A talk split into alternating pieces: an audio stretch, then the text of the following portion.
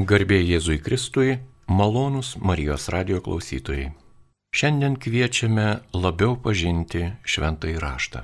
Kiekvienas žmogus yra raginamas paties šventojo rašto jį paimti į rankas ir jį suprasti.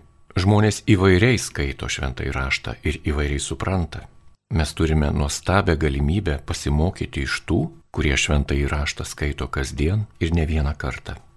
Šiandien laidoje su jumis tuo ir dalinsis Marijos dangun ėmimo bendruomenės narė, sesuo Benedikta Raulin. Ją kalbina Liutauras Serapinas ir aš sveikinuosi su gerbiama sesė Benedikta, garbė Jėzui Kristui. Per amžius.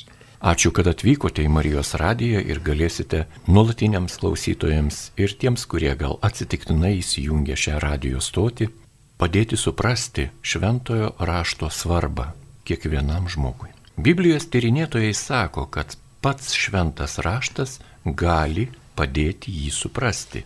Vieno švento rašto vietos paaiškina kitas, tačiau svarbu šventą raštą skaityti. Ką pats šventasis raštas, Biblija, liudyja apie jo skaitimą. Mielas sesė. Nu, aš pradėsiu nuo mums visiems gero gerai žinomo pasakojimo apie tai, kai du mokiniai iškeliauja iš Jeruzalės nusiminę po Jėzaus mirties. Ir pakeli jie sutinka Jėzų ir jis jiems sako, o jūs neišmanėliai, kokios nerangios jūsų širdys tikėti tuo, kas yra skelbę pranašai. Argi Mesijas neturėjo viso to iškentėti ir žengti į savo garbę. Ir pradėjęs nuo Mozės, primindamas visus pranašus, jis aiškino jiems, kas visuose raštuose apie jį pasakyta. Turim aiškiausią raginimą iš paties Jėzaus paskaityti visą šventąjį raštą. Pradedant nuo Mozės, iškia penkiaknygės, visus pranašus, visuose raštuose. Tai pirmas raginimas iš paties Jėzaus, bet irgi Senajam testamente randam vietas, kur tauta, pavyzdžiui, Nehemijo knygoje klauso įdėmiai visą dieną, kai levitai jai skaito šventą įraštą. Reiškia, tai yra jau šeštam amžiui prieš Kristų ir jau yra tekstai parašyti, yra jau knyga. O prieš tai turim raginimus ypatingai pakartotų įstatymo knygoje nuolat papasakoti, ką viešpats padarė mūsų protėviams ir mums. Tas atminimas, dievų darbų atminimas yra pagrindas viso Izraelio tautos tikėjimo ir mūsų tikėjimo. Nes mūsų tikėjimas remiasi tuo, ką viešpats mums padarė mums, iškai, mums visiems, pradedant nuo Abromo. Tai yra faktai, mūsų tikėjimas nėra kažkokios teorijos, religinės teorijos apie Dievą, tai yra atminimas to, ką Dievas yra padaręs ir mums apreiškęs pats. Toliau labai norėčiau cituoti Konstitucijos Dei Verbum apie Dievo apreiškimo pradžią. Tai yra auksiniai žodžiai, kuriuos mums duoda bažnyčia. Cituoju. Gerasis ir išmintingasis Dievas panoro apreikšti save patį ir paskelbti savo valios paslapti. Čia yra citata iš laiško efeziečiams. Paskelbti savo valios paslapti, kurios dėka žmonės per Kristų įsikūnijusi žodį šventojo dvasioje turėtų galimybę prieiti prie tėvo. Vėl citata iš laiško efeziečiams ir tapti dieviškosios prigimties dalininkais. Citata iš Petro laiško. Šio apreiškimo dėka nematomasis Dievas iš gausingos meilės žmonėms kreipėsi į juos kaip į bičiulius, kviesdamas juos į bendrystę su savimi tą apreiškimo planą Dievas vykdo glaudžiai tarp savęs susijusiais veiksmais ir žodžiais. Šito įžangoje, Dievo įžangoje yra tokie labai gražų žodžiai. Dievas panoro apreikšti save patį. Jis turėjo tą gerą valią mūsų atžvilgiui ir tai mums duoda vieną principą, skaitant šventą įraštą, tai yra malonės principas. Visas šventasis raštas yra malonės dovana, nepelnyta, nelaukta. Turėtume persismelkti žydų tautos džiaugsmų, kad jie gavo Dievo žodžius. Galėčiau cituoti psalmę 147 psalmę, kuris sako, kurie kita tauta gavo tokius žodžius kaip mes. Kuria kita tauta turi tokį Dievą, kuris tam, tampa taip, taip, toks artimas ir apreiškia save. Nu, kai, kai Dievas kalba, jis neduoda kažkokios neutralios informacijos, nei teorijos, jis visų pirma kalba apie save, nes jis nori, kad mes jį pažintumėm. Tai va, principas yra malonės principas, antras principas yra asmeniškumo principas. Dievas nori apreikšti save. Jeigu aš, ar žydas, ar krikščionis, noriu pažinti Dievą, aš turiu skaityti, kai jis mums yra apreiškęs. Vienas filosofas, Berots Kirkegardas, yra parašęs, kad žmogus turėtų atverti šventą įraštą, kaip sužadėtinis atplėša savo sužadėtinis laišką. Su tokia, tokia pat meilė, su tokiu pat troškimu, su tokiu pat dėkingumu. Ir kitas principas yra dialogiškumas, jeigu galim pasakyti. Dievas norėjo apreikšti save, jis, cituoju vėl, Dei verbum, iš gausingos meilės žmonėms kreipiasi į juos kaip į bičiulius. Čia skamba dvi citatos iš Biblijos, viena iš Senojo testamento, kur pasakyta, kad Dievas su Moze kalbėjo veidas į veidą, kaip su bičiuliu.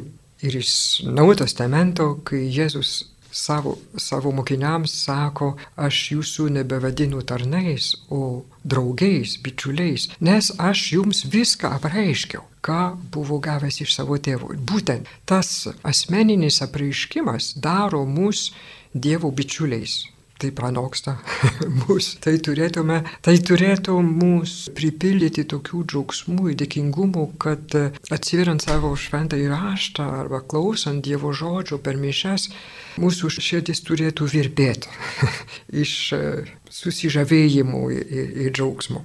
Tai ir Dievas kviečia mus, kaip sako vėl Deiverbum, į bendrystę su, te, su, su savimi kad taptume dieviškosios prigimties dalininkais. Ta bendrystė su Dievu mes gaunam, kai atsiveriam jo apreiškimui.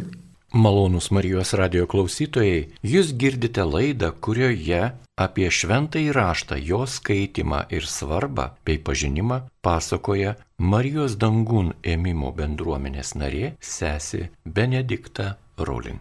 Tęsėme laidą. Pats Jėzus, norėdamas pamokyti sinagogoje, atsistojo skaityti. Citata iš Evangelijos pagal šventąjį Luką.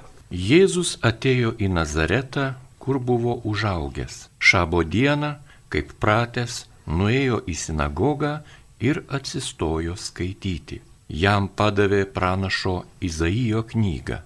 Atviniojęs knygą, jis rado vietą, kur parašyta viešpaties dvasia ant manęs, nes jis patepė mane, kad neščiau gerąją naujieną vargdienėms.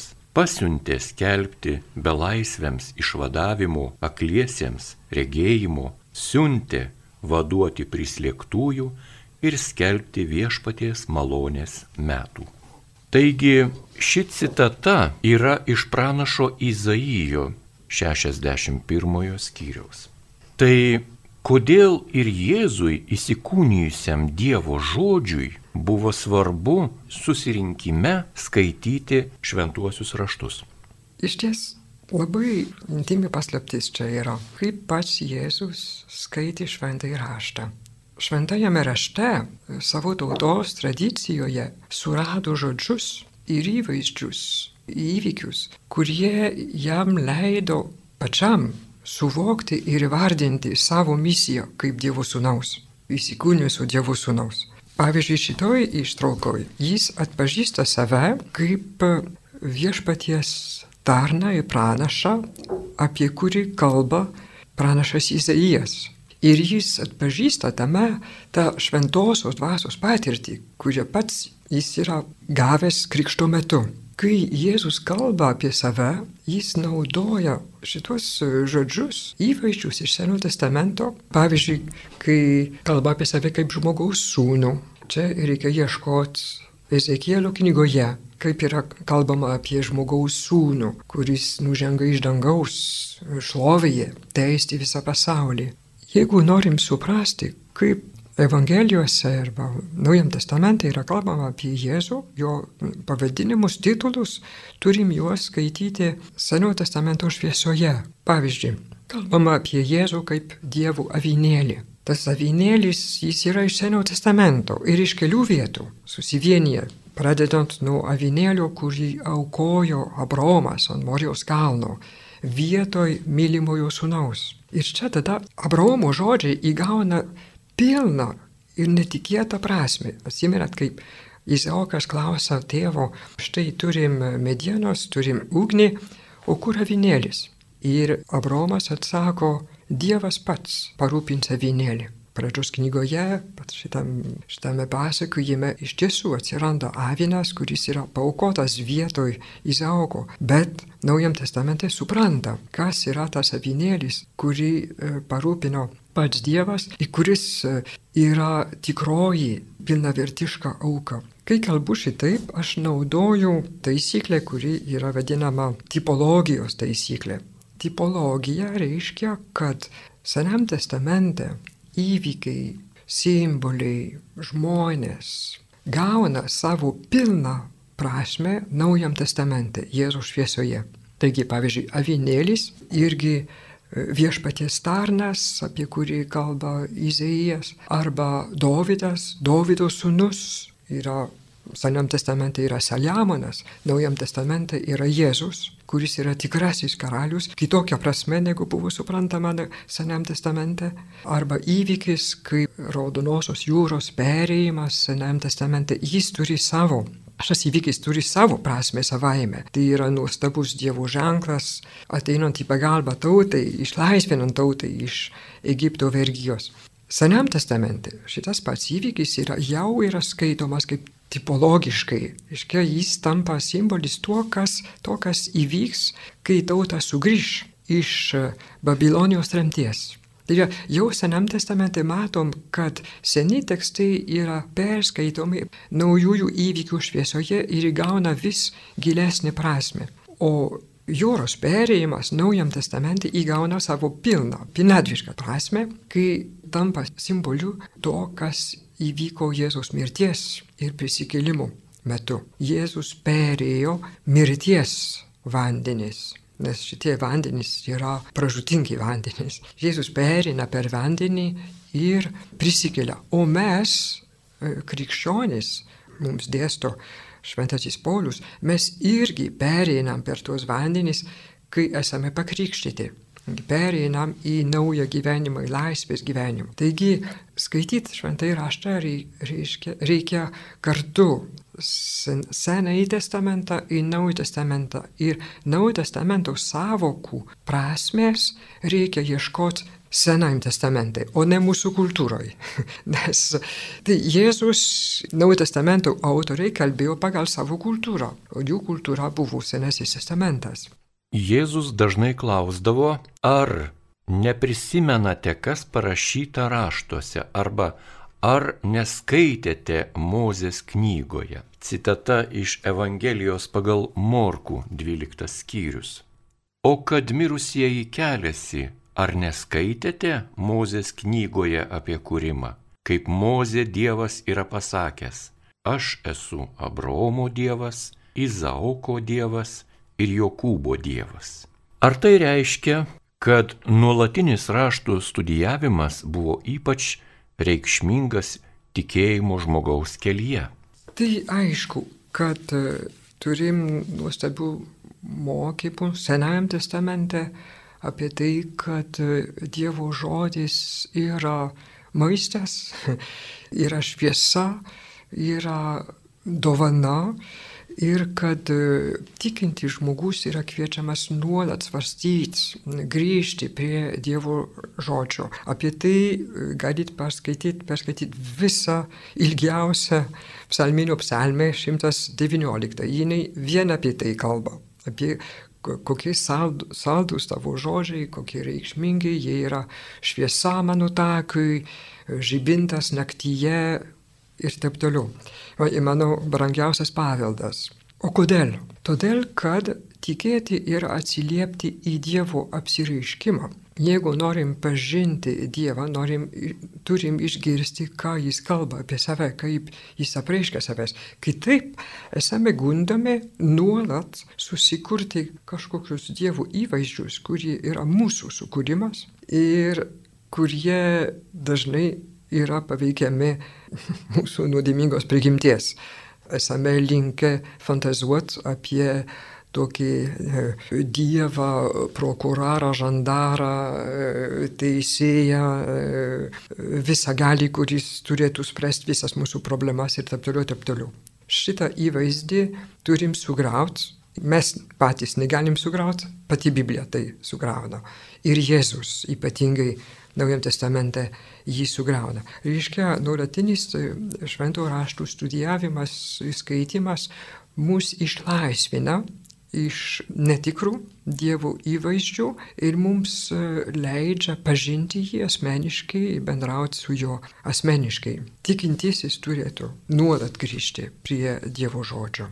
Ir gražu matyti, kaip e, prisikėlęs Jėzus, kai jis pasirodo apaštalams, tai skaito iš Luko Evangelijos, sako jiems, ar netokie buvo mano žodžiai, kuriuos jums kalbėjo, dar būdamas su jumis, turi išsipildyti visa, kas parašyta apie mane, Mozės įstatymė pranašų knygose ir psalmėse, tuo met jis atvėrė jiems protą, kad jie suprastų raštus. Tai yra Jėzus dovana - atverti mūsų protą, kad mes suprastumėm raštus. Ir tai yra didžiausia malonė, kurios turėtumėm visi prašyti per Dievo žodžio sekmadienį.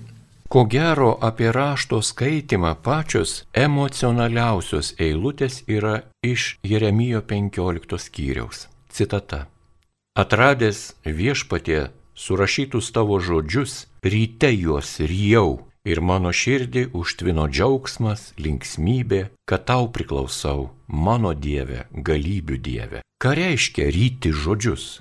Iš tiesų labai graži citata iš e, pranašo Jeremijo. Ryte jos ryjo ir mano širdį užtvino džiaugsmas linksmybė. Tai yra dovana, malonė, kurią kars nuo karto ir patys patiriam, atsiveria šventą įraštą. O ką reiškia ryti žodžius? Nu, visų pirma, Dievo žodis yra maistas. Tai yra pasakyta Senam testamente, pakartotų įstatymų knygoje, kad e, žmogus gyvas ne duona, ne vien duona, o Dievo žodžiu, išeinančiu iš jo lūpų. Ir šitą, šitą sakinį pats Jėzus cituoja, atsiliepdamas į gundimą. Žmogus gyvas ne vien duona, o kiekvienu žodžiu išėjusiu iš Dievo lūpų. Ir ką maistas, ką reiškia, kad mes, mes gyvenam prasme, galim turėti visą pasaulio auksą ir maistą ir reikalingus turtus, jeigu neturim prasmės, mes vargu ar gyvensim. Geriau baigti su, gyven, su gyvenimu, jeigu nėra prasmės. O Dievo žodis yra tai, kas mums duoda prasme ir tikslą, ir šviesą. Taigi tai yra maistas, Ir norėčiau pacituoti šventąjį Hieronimą. Nu, žinote, kad šventasis Hieronimas yra didysis egzegetas, e, Biblijos vertėjas, vienas iš didžiausių pirmųjų amžių teologų, kuris buvo didžiausias tuo metu šventojo raštų žinovas. Jis e, štai ką sako. Jis cituoja Jėzų, sako, jeigu nevalgysite žmogaus sūnaus kūno, negersite jo kraujo, negyvensit. Ir sako, bet juk jo kūnas, jo kraujas yra rašto žodis. Tai va, reikia maitintis žodžiu. Ir čia pridėsiu, kad tą žodį nereikia praryti vienu kasniu, bet labiau karvės būdų atrajot. Tai yra labai skanus maistas, ir reikia jį išragauti, kiek įmanoma ir negalvot, kad kuo daugiau skaitau, kuo geriau. Iš tiesų, skaitant Dievo žodį, mėly klausytojai, aš jums patarčiau skaityti po mažai, bet dažnai. Įskaitant po mažai, po kelias eilutės kasdien, ties jomis sustot. Ir ne tik skaityti, bet klausyti reikia skaityti širdies ausimis. Girdint, ką kas čia man pasakyta? Ką mylintis Dievas šituose žodžiuose man apreiškia? Tai nėra magiškas receptas, kad visas mūsų Biblijos skaitimas būtų saldus ir, ir malonus, bet tai yra sąlyga priimti širdimi, ką Dievas sako iš savo širdies. Taigi, žodis yra maistas ir reikia jį atrajoti. Kodėl apie švento rašto knygą apreiškimo Jonui tekste, skirelėje dešimtajame, taip rašoma, kad knygelė, citata, bus karti viduriuose, bet burnoje ji bus saldi kaip medus. Citatos pabaiga. Kaip paaiškinti rašto kartumą ir saldumą? Palyginimui dar viena citata iš laiško žydams. Dievo žodis yra gyvas, veiksmingas, aštresnis už bet kokį dviašmenį kalavyje.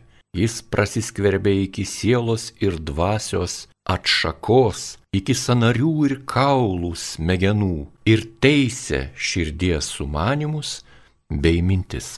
Vieta iš apraiškimų knygos reikia paskaityti Ezekielio knygoje, pranašų Ezekielio knygoje, jo pašaukimo metu jis irgi yra kviečiamas suvalgyti rytinį, kuris yra pilnas žodžių. Ir ten Ezekėlis sako, kad jis buvo saldus jo burnoj, bet tame rytinyje buvo parašyta daug apie verksmus ir dejonės išauksmus. Iškia, tiesų šventajame rašte randam tai, kas yra labai saldu ir kas yra labai kartu kartu yra, kai matom kaip veidrodyje, kas dedasi mumise ir mūsų pasaulyje. Skaitom apie bjaurus įvykius, pavyzdžiui, Senam testamente ir Naujam testamente ir žinom, kad tai vyksta ir mūsų dienomis. Tai e, nėra rožinė spalva e, nudažyta paveiksla.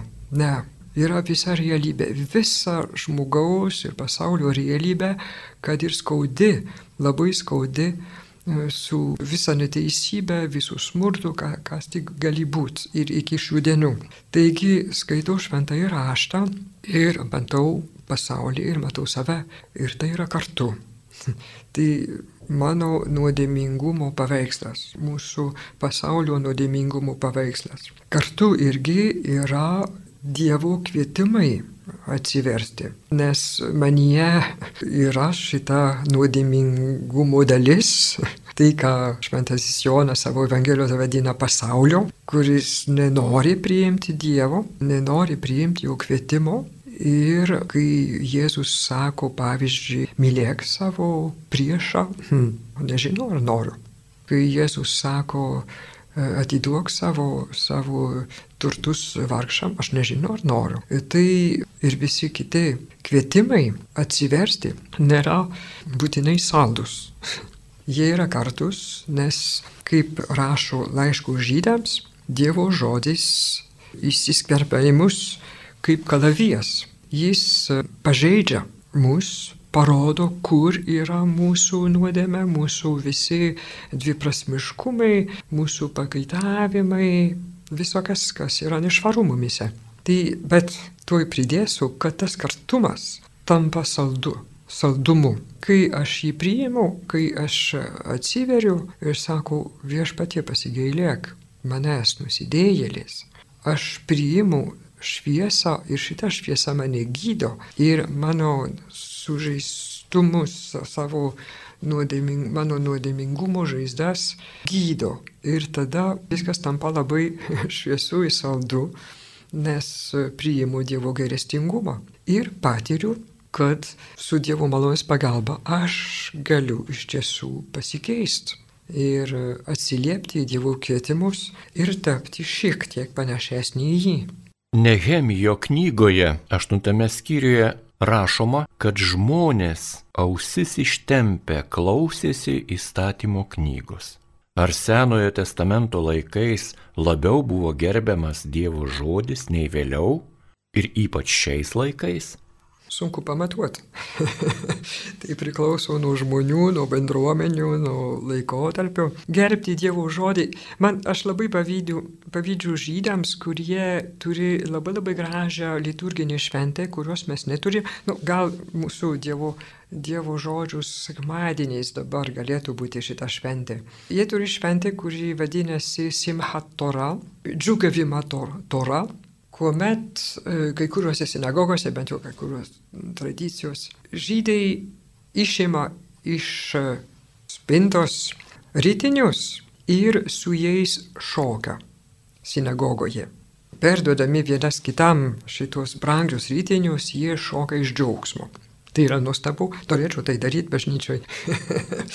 tai džiaugtis ir džiaugtis ir džiaugtis ir dėkoti, kad Dievas mums e, save apsireiškė per savo žodį. Dar tai eina dabar į atmintį Šventojo Hieronimo ir Šventojo Augustino gana panašus atsivertimai. Abu ketvirto amžiaus žmonės buvo gerai išsilavinę ir labai turėjo labai labai aukštą kultūrą, Jie labai vertindavo lotynų, graikų literatūrą ir jiems abiems Biblija atrodė šiek tiek prastai parašyta, netokia vertinga kaip, kaip knyga. Tai Hieronimui įvyko tai, kad vieną kartą jis sirgdamas patyrė ar sapną, ar viziją, nelabai žinau, kuomet jis atsidūrė teisme, Dievo teisme, jam buvo pasakyta, kas tu esi. Ir jis atsakė, aš esu krikščionis. Atsakymas ne, tu nesi krikščionis, tu esi Cicerono mokinys. Jis suprato tada, kad jis nevertino Dievo žodžio ir pradėjo savo karjerą kaip Dievo žodžio specialisto. Nuostabu. O šventasis Augustinas irgi ilgai e, nevertino Biblijos, jis buvo pradėjęs ją skaityti, paskui atmetė, nes buvo, nu, atrodė tokia grubi, nesuprantama, sudėtinga, blogai parašyta ir taip toliau. Tik e, šventojo Ambrozijaus dėka, pamokslų dėka jis suprato švento rašto grožį, pradėjo ją skaityti, jį skaityti ir atsiverti. Tai buvo jo atsivertimas prieš, pat, prieš krikštą, kai jis pradėjo skaityti Dievo žodį. Taigi mes visi esame kviečiami peržengti sunkumus, kurių yra, atsiveriant šventą įraštą ir pabandyti jį suprast ir jį skaityti. Nepaisant to, kad jis gali būti mums aštrus kalavijas, ar jis gali būti sudėtingas, tamsus biškas kartais. Nepraraskime kantrybės, reikia skaityti ir kaip kalbėjom pradžioje, šventasis rašas aiškina save, kuo daugiau skaitau, kuo daugiau man tam familiarūs, suprantami tam tikrai dalykai, tam tikros savokos, simboliai, kalbėjimo būdai, rašymo būdai. Tai ir pamažu tamsus miškas tampa šviesus miškas. Antrajame Petro laiške, pirmame skyriuje rašoma, citata, Taip pat mes turime dar tvirtesnį pranašų žodį, jūs gerai darote, laikydamiesi jo tarsi žibinto, šviečiančio tamsioje vietoje, kol išauž diena ir jūsų širdise užtekės aušrinė žvaigždė. Citatos pabaiga. Kaip šviečia Dievo žodis? Šviečia, jeigu aš jį priimu kaip šviesą. Jeigu suprantu, kad aš esu tamsoj, tamsos daug yra, dėl to, kad aš esu neišmanėlė kaip visi žmonės, kad esu nuodėminga, kad gyvenu kultūroje, kuri tolsta nuo Dievo, kurioje yra didelis sumaištis, labai suprantama, kas yra žmogus ir kam mes gyvenam žemėje. Tai Dievo žodis mums atneša šviesą. Tačiau gal leiskit pasakoti anegdotą. Gerai žinomas anegdotas, bet jis vis tiek geras. Tai žmogus, kuris e, ieško šviesos, jis turi daryti sprendimą ir nežino, nežino ką daryti. Tai būdamas labai pamaldus, jis e, atsiveria savo Evangeliją atsitiktinai padeda pirštą ant lapo ir žiūri, kokia citata bus. Ir randa vietą, mato Evangeliją, kur parašyta, Judas ėjo ir pasikorė. Žmogus galvoja, o, ne, ne, ne, ne, taip, ne taip, tikriausiai ne tas, aš nepakankamai pasimeldžiau, tai meldžiasi, meldžiasi ir vėl atvira šventą įraštą, randa citatą iš Jono Evangelijos, kur Jėzus sako, tu ir tą patį daryk. Tada sako, ne, ne, tikriausiai ne. Tai dar kartą bado pirštų ir randa, kur Jėzus sako, ką daryk, daryk greičiau. Tai va, anegdotas yra apie tai, kad e, šventasis raštas nėra, nėra magiška knyga, kur aš galiu rasti receptus visose gyvenimo sunkumuose, klaus, klausimuose. Bet aš turiu skaityti šventąjį raštą tokiu būdu, kad persismėgčiau Dievo mentaliteto, kabutėse, nu, kad įsigyčiau Dievo būdą žiūrėti į viską, Jėzaus būdą žiūrėti į viską, į darbą, į šeimą, į mane, į žmogų, į nuodėmę, į istoriją, į politiką, į visą. Tai yra mentalitetas, mūsų mintis turi būti persmegtos Dievo minčių. Kaip e, sako pranešas Izaijas, mano kokie dangus yra aukšti virš žemės, tokie aukšti yra mano keliai virš jūsų keliai ir mano mintis virš jūsų minčių. Tai turim atsiverti šitai šviesai iš Dievo, kad matytumėm kelią.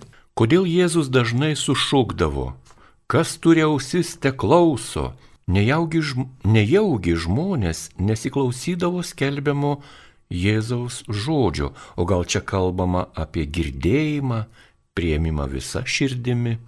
Nu taip, galima e, girdėti ir neklausyti, arba klausyti ir negirdėti. Labai lengva, mes taip darom da, labai dažnai. Pavyzdžiui, kai kalbam su žmogum ir kol jis kalba, mes ruošiam savo atsakymus. Tai reiškia, mes neklausom.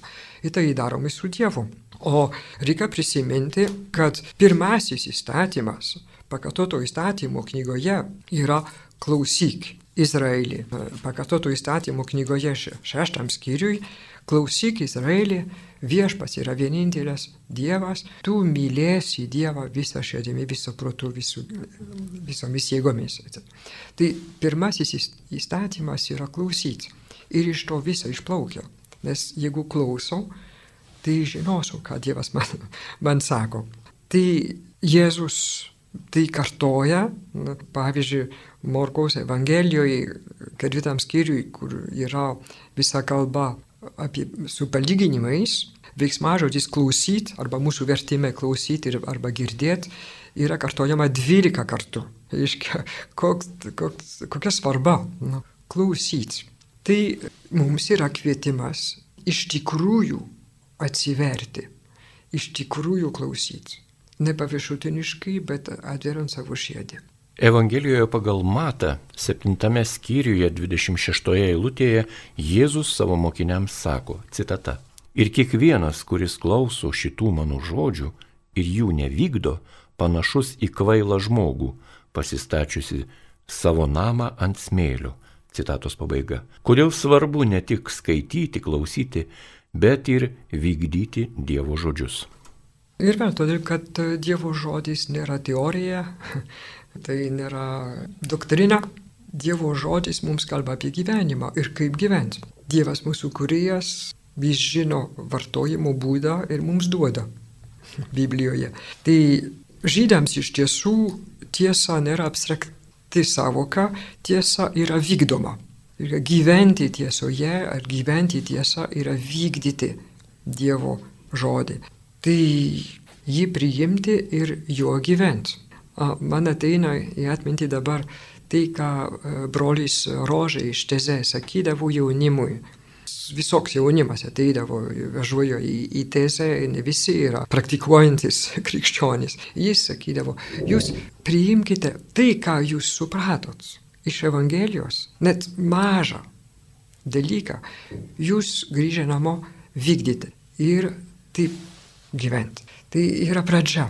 Kai e, kažką suprantu, aš turiu tuoj pat tuo ir gyventi. Kitaip tai liks e, dar viena, gal kaip e, Facebook'e laikas. gražu, gera, nu, gražu ir pamirštu. Na, dievo žodis yra vykdomas. Ir jeigu nori pažinti Dievą, tai pažinimas vėl šventajame rašte visada yra pažinimas per patirtį, per veiksmą. Kai aš darau tai, ką Jėzus sako, aš suprantu. Tai ačiū Jums už, už dėmesį. tikiuosi, kad e, jūs ir užsidegsit šventųjų raštų skaitimo ir kad šita liepsnelė toliau degs jūsų širdyje. Malonus Marijos radio klausytojai, jūs girdėjote laidą apie tai, ar pats šventas raštas gali padėti jį suprasti. Ir šioje laidoje jums apie šventąjį raštą pasakojo Marijos dangun ėmimo bendruomenės narė sesuo Benedikta Raulin. Jei klausimus uždavė Liutauras Serapinas. Likite su Marijos radiju.